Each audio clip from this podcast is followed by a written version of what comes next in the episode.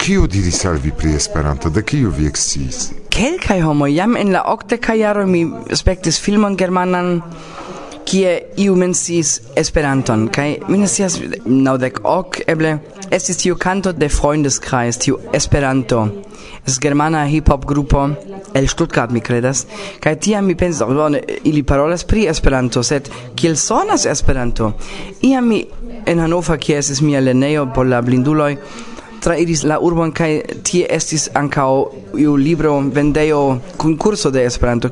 Iu legis kelkajn vorteton kiel arbo kaj tiel plu al mi kaj mi oh tio sonas ege bone. Kaj jes Esperanto estas ekde tiam ege interesa por mi kaj dumil dek du mi venis al la klubo kaj aŭskultis ankoraŭ ne komprenis multe preskaŭ nenion.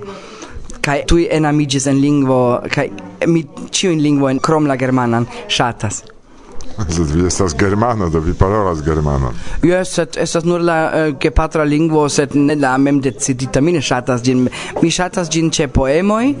Tio sonas bone, sed ofte ĝi sonas tiel tiel Mi ne ŝatas.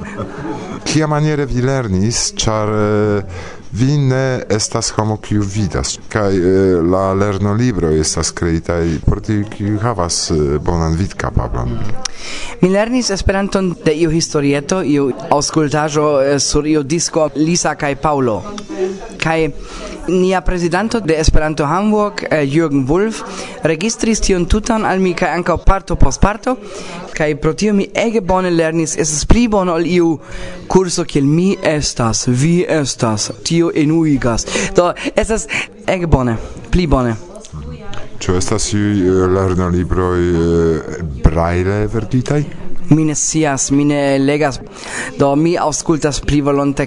Do mi komprenas, ke ekplaĉis al vi sono de Esperanto. Ĉu vi sciis pri historio, ke Zamenhof deziris, ke la lingvo estu tutmonda?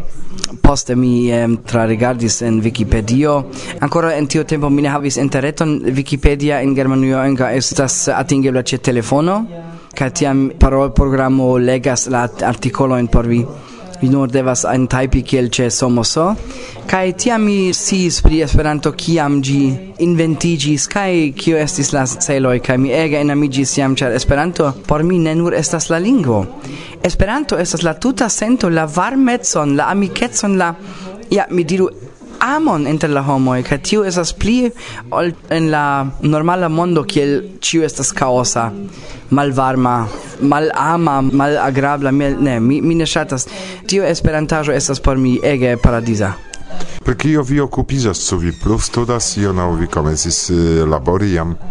Do mi laboras kiel muzikisto, mi neniam studis ion, do mi laboras preskaŭ dek kvin jaron kiel muzikisto, do mi nun estas kvardek unu, do juna estas por mi ion alian, do. Sed, uh, ja, mi estas profesia muzikisto, kai um, lernas ekde unu jaron preskaŭ du la polan. Mi ege ŝatas tian lingvon. Do vi tute ne aspektas kiel kvardek unu, pardonu. Mi, mi scias, multaj homoj diris tion al mi, kaj mi ankaŭ sentas min ankaŭ kiel dudek. Estus tre bone. Ĉu vi koncertas krom Esperantujo ie? Yes, mi koncertas en Hamburgo kun mia grupo The Living Music Box mi concertas sole. Do mi laboras ĉe la Barner Dexes Barner Dexes estas kiel artista komunumo kaj tiam ni havas kelkajn grupojn kun uh, homoj kiu estas um, nevidantoj alimaniere ankaŭ handikapitaj. Do ni havas kelkajn grupojn kaj solajn projektojn ankaŭ tie. Do estas multe kion vi spertos tie ege mi ŝatas tien labori. Eble pri viaj revoj, planoj se temas pri Esperanto. Esperanto mi en eh, julio estos ĉe la Baltia Esperanto tagoj kaj mi ege ĝojas pri ĝi. Miaj revoj uh, hmm mi shatus ciam veni al yes exemple charche yes mia rencontigia vivo comencigis kai eh, mi shatus pli concerti che rencontigio sed la problema ofta anco estas kia maniere veturi tien char exterior manuio ne estas tiel help ajoi kiel ceni homo iq venos al via kaio kai helpas vin al alia traino. Do tio ne ciam cie existas. Mi audis ce, en Cechio ne existas tio por blinduloi mi ne scias mi ankaŭ timas sole veturi. Mi citien au aŭ al ses veturis kun Andi el Hanovro. Kaj estis ege bone char ni ankaŭ multe parolas dumvoje kaj sed sole mi ege timas. Mi ankaŭ ne scias kiamaniere veturi al Beta clare. Do eh, tempo por vi. Vi rajtas diri ion al la esperantistoj kiun ni aŭskultas. Do mi salutas vin ciuin, parolu pli Esperanto ne nur en la interreto, do ankaŭ renkontiĝo kun homoj, ankaŭ se estas en la sama urbo kiel vi, ĉar nur la interreto ne helpas um, evolui la lingvo konon. Aktivo, aktivigu, pli aktivo en la movado, verku ion eh, o skribu ion teatrajon, ion muzikajon, ion ion historieton, eh, ke Esperanto pli kaj multe pli vivu. Ĉar mi antaŭ kelkaj semajnoj legis ke la Esperanto societo en eh, Austrio en Linz ne plu existas kaj tio min vere tristis ĉar mi volas ke Esperantujo pli kaj plue vivas kaj Esperantujo bezonas ankaŭ multajn junajn homojn do anka ĉe in en, Esperanto Hamburg estas pli aĝaj homoj ol mi. Kai mi vere timas ke Esperantujo iam ne plu vere estas juna. Mi volas ke Esperantujo ĉiam vivas ciam estas do mi anka volas kanti en Esperanto kaj verki on same kiel Jomo kiel Johnny M kiel kiel Johannes Müller aŭ tiel plu. Faru! Coraggio, prenu pianon gitaron aŭ iel plu kion vi volas. Kaj verku ion bonan. Konan dankon Kaŝi kaj mi deziras al vi amuzan pason de la restaj tagoj dum la jes. Jes, do mi dankos al vi, Erik, ĉar mi ege ĝojis. Varsovia evento estis mia plej unua programo kion mi aŭskultis, kvankam mi ne vere komprenis ĉion, sed aŭskultante la sonon estis por mi tre grava. Varsovia evento, bla bla bla.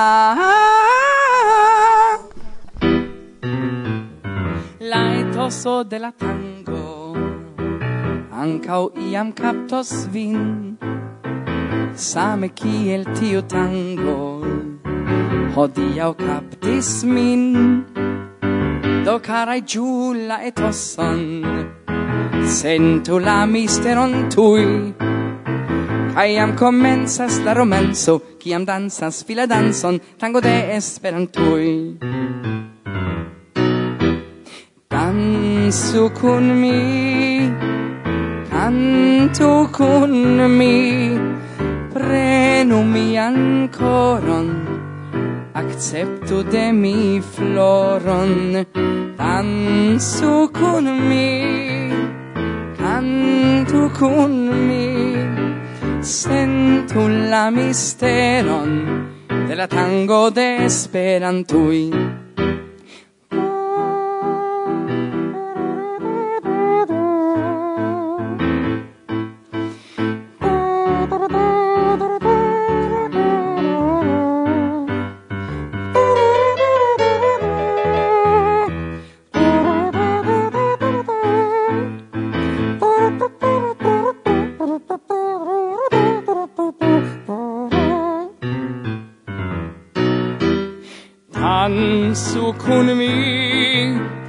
cantu cun mi. Prenu mi ancoran acceptu de mi floran. Dansu cun mi. Cantu cun mi. Sentu la misteron de la tango de esperantui.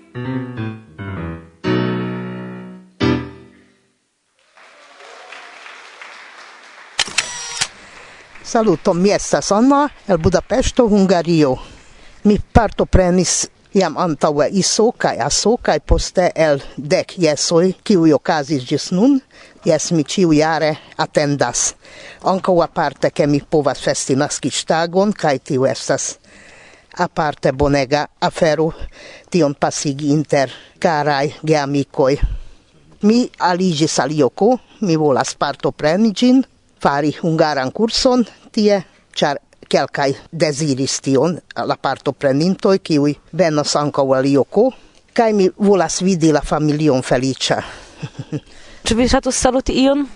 Yes, mi salutas ciuin ge amicoin en Hungario kai tut monde, kiui ne povis veni, eh, sed mi povas rekomendi al ciui, kiui povas permessi al si veni al jes, char gi estas mojosa evento. Saluton, mi estas eh, Michael Boris, kai mi estas tre gioia esti citie en la IES. Mi vere volas gratuli la organizantoin e la mirinda laboro, estas vere bonega semaino, bonega organizita, do el coran dankon al ili, kai elkoran dankon anka al la karaj amikoj de Varsovia Vento, kiuj akompanas nin en citio semaino. Mia coro varmigas ie la proximo de amico e kai samideanoi, kai yes estas ia ni diru comuna heimo por esperantisto en Europo en la vintro. Do mi ege gioias reveni heimen ciu vintre alies, kai compreneble mi ege gioias che nia heimo ci iare estas ankaŭ e samideano e ki festas kun ni ti un tempon. Do, mi devas diri che compreneble kiel activulo de teio la viglezzo de calche momento e che la neanto viditezzo de iui affero della comitat consido estis compreneble por mi ne attendita in u certe mi attendi sexigon de iu estrarano en ceterajo de tria sessio de comitat consido sed eh, uh, ali flanke mi volas vere vidi kiel neniu signifa problemo aperis eh, alla partoprenantoi. Do mi organizis multe rencontigioin, kai do mi povas vere apresi kiam eh, afero iras glate kai oni povas vere fokusigi en la festado en la kunumado kun amikoj kai en la juado de vere kvalitaj programero estis prelego i pri paz laboro en ex Jugoslavio exemple kiu vera i perloi Eh, uh, cimatene mi eh, spectis eh, uh, interessegan prelegon de mia cara amico Raccoon Martens pri lia nun tempo accademia laboro rilate al falsa innovajoi kai al kiel quaso eblus vaccinigi je falsa innovajoi. Do mi pensas che tio montras che in esperanto oni povas vere qualite programmi oni povas paroli pri vere seriozaj kaj aktualaj aferoj kaj tiel ni povas montri al la mondo ke nia lingvo estas vere taŭga ilo por ĉio. Ĉu vi volas saluti viajn amikoj aŭ malamikojn en tuta mondo? El coran saluton de Michael Boris kun grandega gioio che mi estas ĉi tie en la Yes kun karegaj amikoj. Mi estas Lena Vilke de duono de la ensemblo Gile el Germanio. Kial vi decidis veni al Jes? Ĉar Jes estas tre mojosa, ĉiam. Min impresis uh, la mojosa etoso, tre tre bonaj koncertoj kaj bonege amikoj novaj kaj malnovaj. Mia la plej ŝatata programero estis ekzemple mia orkestro.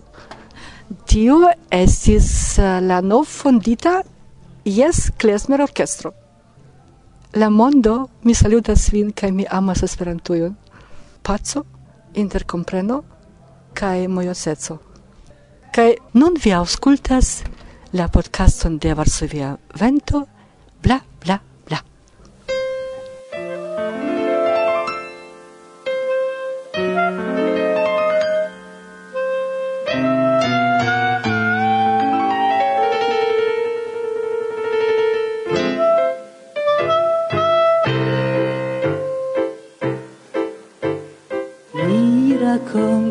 historion pri la kato Stanislao aventuroj kun katinoj kiu loĝis en vilao nigra kato Stanislao estis vere Don Juan. Miau. Li ne ĉasis en vilao vivis nur por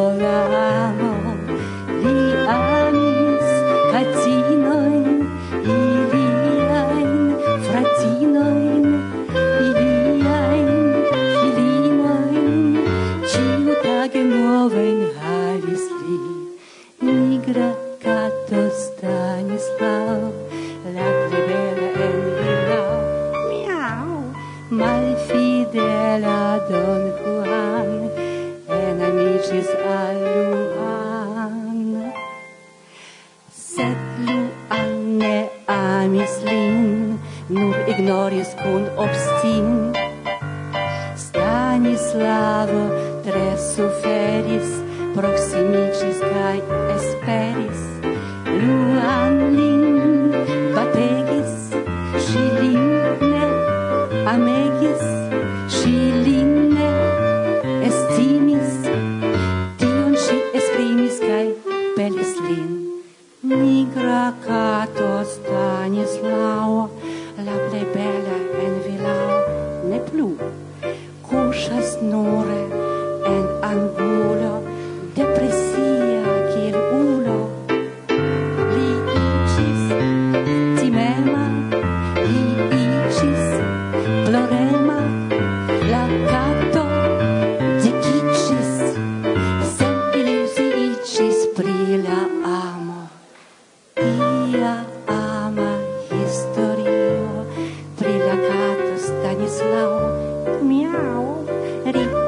teach us of the cheer et al homo en vilau.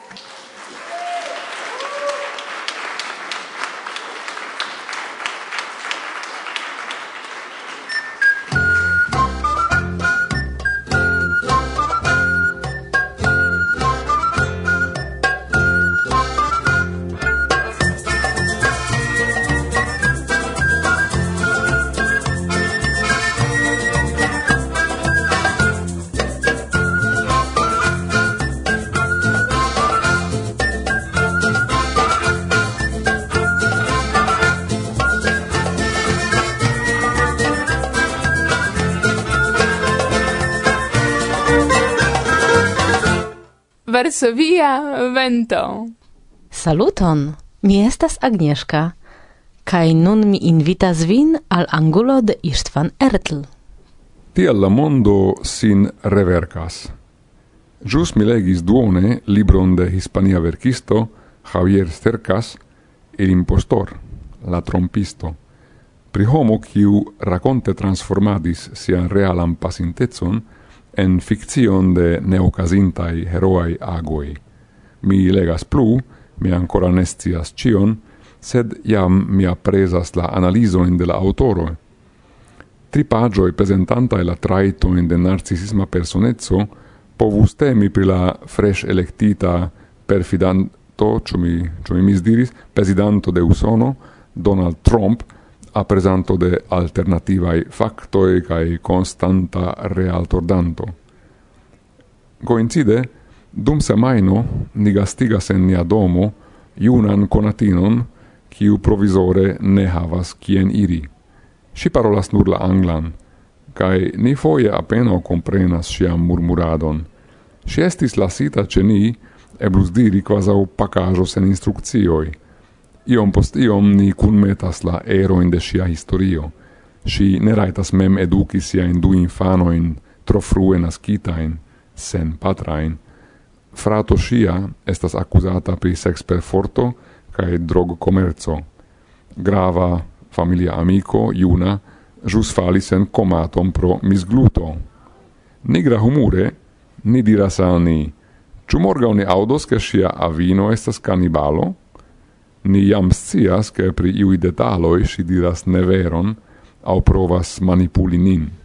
Sed anca oni scias, bedaurinde sia malgaia sorto ne estas ficcio. Ni ciui clopodas influi nian estantezon, porque la estontezo nin pli favoru.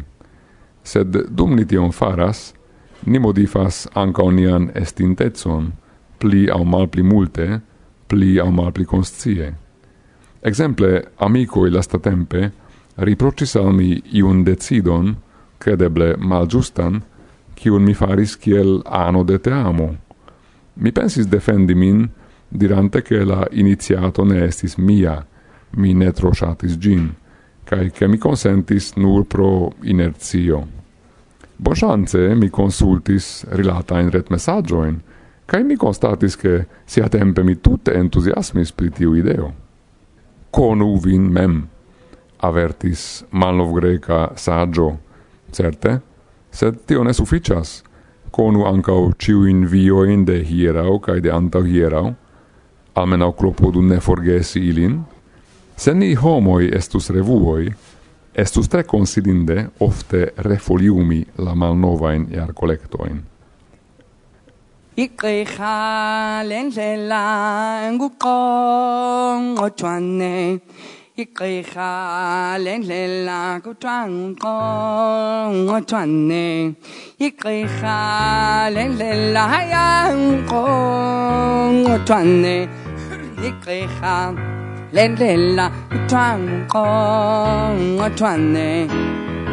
Seleka willekuita pahayan ko tuanne. Seleku willekuita pahayan ko tuanne. Seleka willekuita pahayan ko tuanne. Seleku willekuita pahayan ko tuanne. Tio esas mia Africa parto. Esas cosa Kai nun mi cantas en Kiswahili. Malaika, nakupenda malaika. Malaika, nakupenda malaika. Nami nifanye yeye itwa na mwenzio nasindwala malesi nawe ngekuoa malaika na simba male sinawe ingekuwa malaika.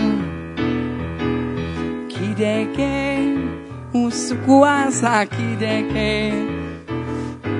Kideke uku wa saa kideke. Ingekuwa maliwe ingekuwa tada na nzingwenya Anek, malĝusta kanto. mal malĝusta. Na, simba na lisina, wey. Anja kuwa malaika. Na sindwa na malisina, wey. Inye kuwa malaika.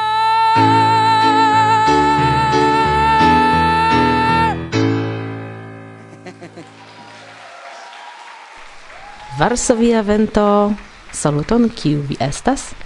Saluton, bonan vesperon, mi estas Ionel Onec, libroservisto de UEA. Kial vi decidis veni al Varsovio?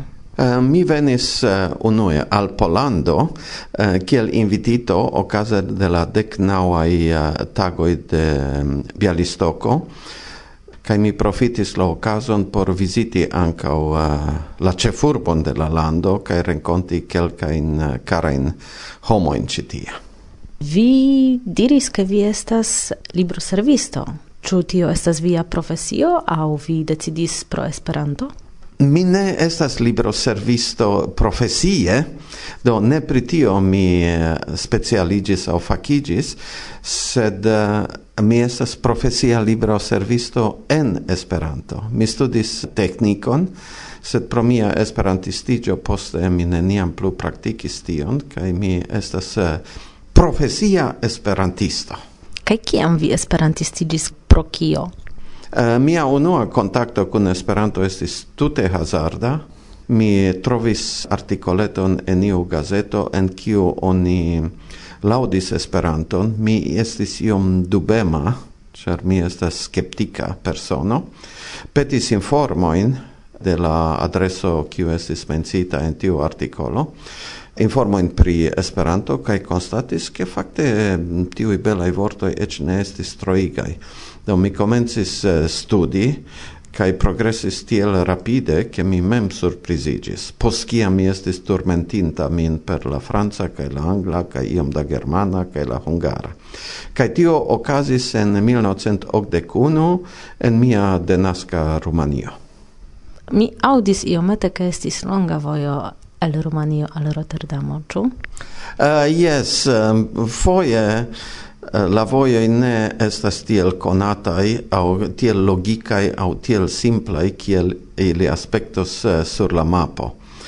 En 1988, en la printempo, mi forlasis mian denascan landon kai uh, eh, translocigis al Usono, pli bele mi shatus diri al Californio, kai tia mi restis dum dec kvar jaroj, pos kio mi revenis al Europo, pli precise al Rotterdamo, simple por eh, labori en la libro servo de UEA. Vi estas tradukisto, ĉu? Uh, mi preferus ne nomi min tradukisto. Mi ja estis interpretisto en Usono. Uh, mi ŝatus en Esperanto nomi min tradukanto, ĉar mi ne estas profesia. Sed mi akceptas, ke mi estas tradukisto. Kaj uh, mi tradukas uh, en Esperanton precipe el eh, la romana sed mi de tempo al tempo tradukis kaj tradukas eh, ankaŭ el la franca, angla, eĉ iom el la hungara kai iomete el la germana eĉ mi havas unu du tekstojn tradukitajn el la romanĉa. Multe da lingvoj kaj se vi povus decidi el kiu estas plej agrable aŭ plej facile por vi traduki el kiu lingvo? Eh, evidente el la denaska lingvo. Tio estas plej profunde enradikiĝinta lingvo en kiu ajn el ni. Tamen eh, mi ŝatas aŭ tre ŝatas fakte traduki el la angla, ĉar por mi la angla estas ankaŭ bona uh, mensa ekzercilo. La rumana kaj la angla apartenas al malsamaj uh, branĉoj de la hindeŭropaj lingvoj, do mia menso funkcias alie en la angla ol en la rumana. Kai bedaure mia hungara estas praktike malaperinta, sed mi ŝategas tiun lingvon, ĉar ĝi estas komplete malsama ol kiuj ajn aliaj lingvoj kiujn mi mi konas. Reklamo. Belartaj konkursoj de UEA en 2019. Cadre de la Belartaj konkursoj 2010 la nombro da concursaĵoj ricevitai, en tute cent tridecvar, recordis cun considerinda differenzo se compari gin cun la nombro da vercoi concursintai en la lastai tridek.